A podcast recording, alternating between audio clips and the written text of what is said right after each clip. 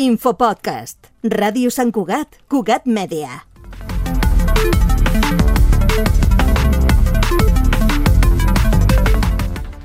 Sobrevolem Sant Cugat. Veiem la taca verda de Collserola i nombrosos parcs i jardins.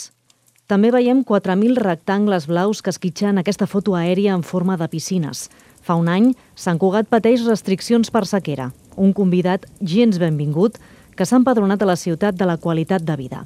12 mesos de crides a la responsabilitat han fet que el consum d'aigua esquivi els números vermells. Tot i això, amb l'estrenada preemergència, Sant Cugat supera el topall de 210 litres per habitant i dia decretat per la Generalitat.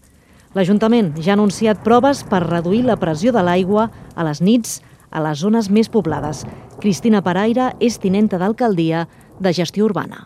Es farà aquesta baixada de pressió en horari nocturn a través de quatre vàlvules eh, que tenim instal·lades a la ciutat que permeten fer doncs, aquesta baixada de pressió. El novembre passat, amb l'alerta de sequera, Sant Cugat surt als mitjans per ser la ciutat de les piscines. No obstant això, l'interès mediàtic ha topat amb una gestió construïda sobre una ordenança municipal pionera d'estalvi d'aigua, molta conscienciació i els números de l'Ajuntament. Durant l'excepcionalitat s'ha estalviat un 10% de consum d'aigua. Així Sant Cugat salvaguarda la carpeta de la responsabilitat i aguanta el tipus, tot i consumir actualment 231 litres diaris per ciutadà. Fins i tot pot dir que gasta la meitat que l'altra reina del benestar de la comarca, Matatapera, amb 468 litres. D'alguna manera o altra, els santcugatencs han fet els deures. Molts fent més sostenibles les seves piscines, com explica Enric Vilamanyes, de Piscina Sant Cugat. L'opció més sostenible és tindre un dipòsit que ens serveixi de recuperació de l'aigua quan fa rentats i esbaldits i tindre un equip de sal i una bomba de velocitat variable a ser possible.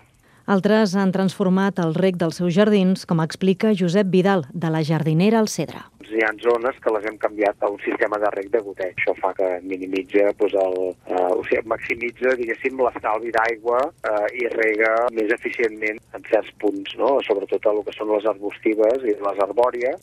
Els que no tenen piscina ni jardí han aplicat tips com les d'Anna de Simone, de Biopompes. Cocino verduras hervidas, poca agua, no pongo sal y entonces el agua que queda puede servirme para regar plantas y si no me la guardo para co cocinar una pasta, para hervir pasta, para hervir arroz, para añadir a un guiso que necesita un, como un caldo vegetal.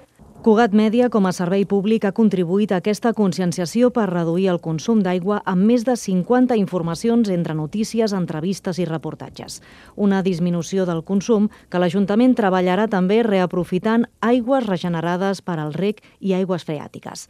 I en l'horitzó, una normativa que a Sant Cugat no ha posat sancions. Ens calen multes per gastar menys aigua? Un increment del rebut? O, com diu el conseller d'Acció Climàtica, David Mascor, Cal entrar en emergència?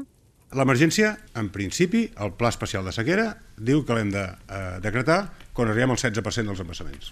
I, en principi, això és el que farem. El que cal és el so de pluja d'aquest Infopodcast, una coproducció de la xarxa i Ràdio Sant Cugat. Infopodcast. Sant Cugat en 3 minuts.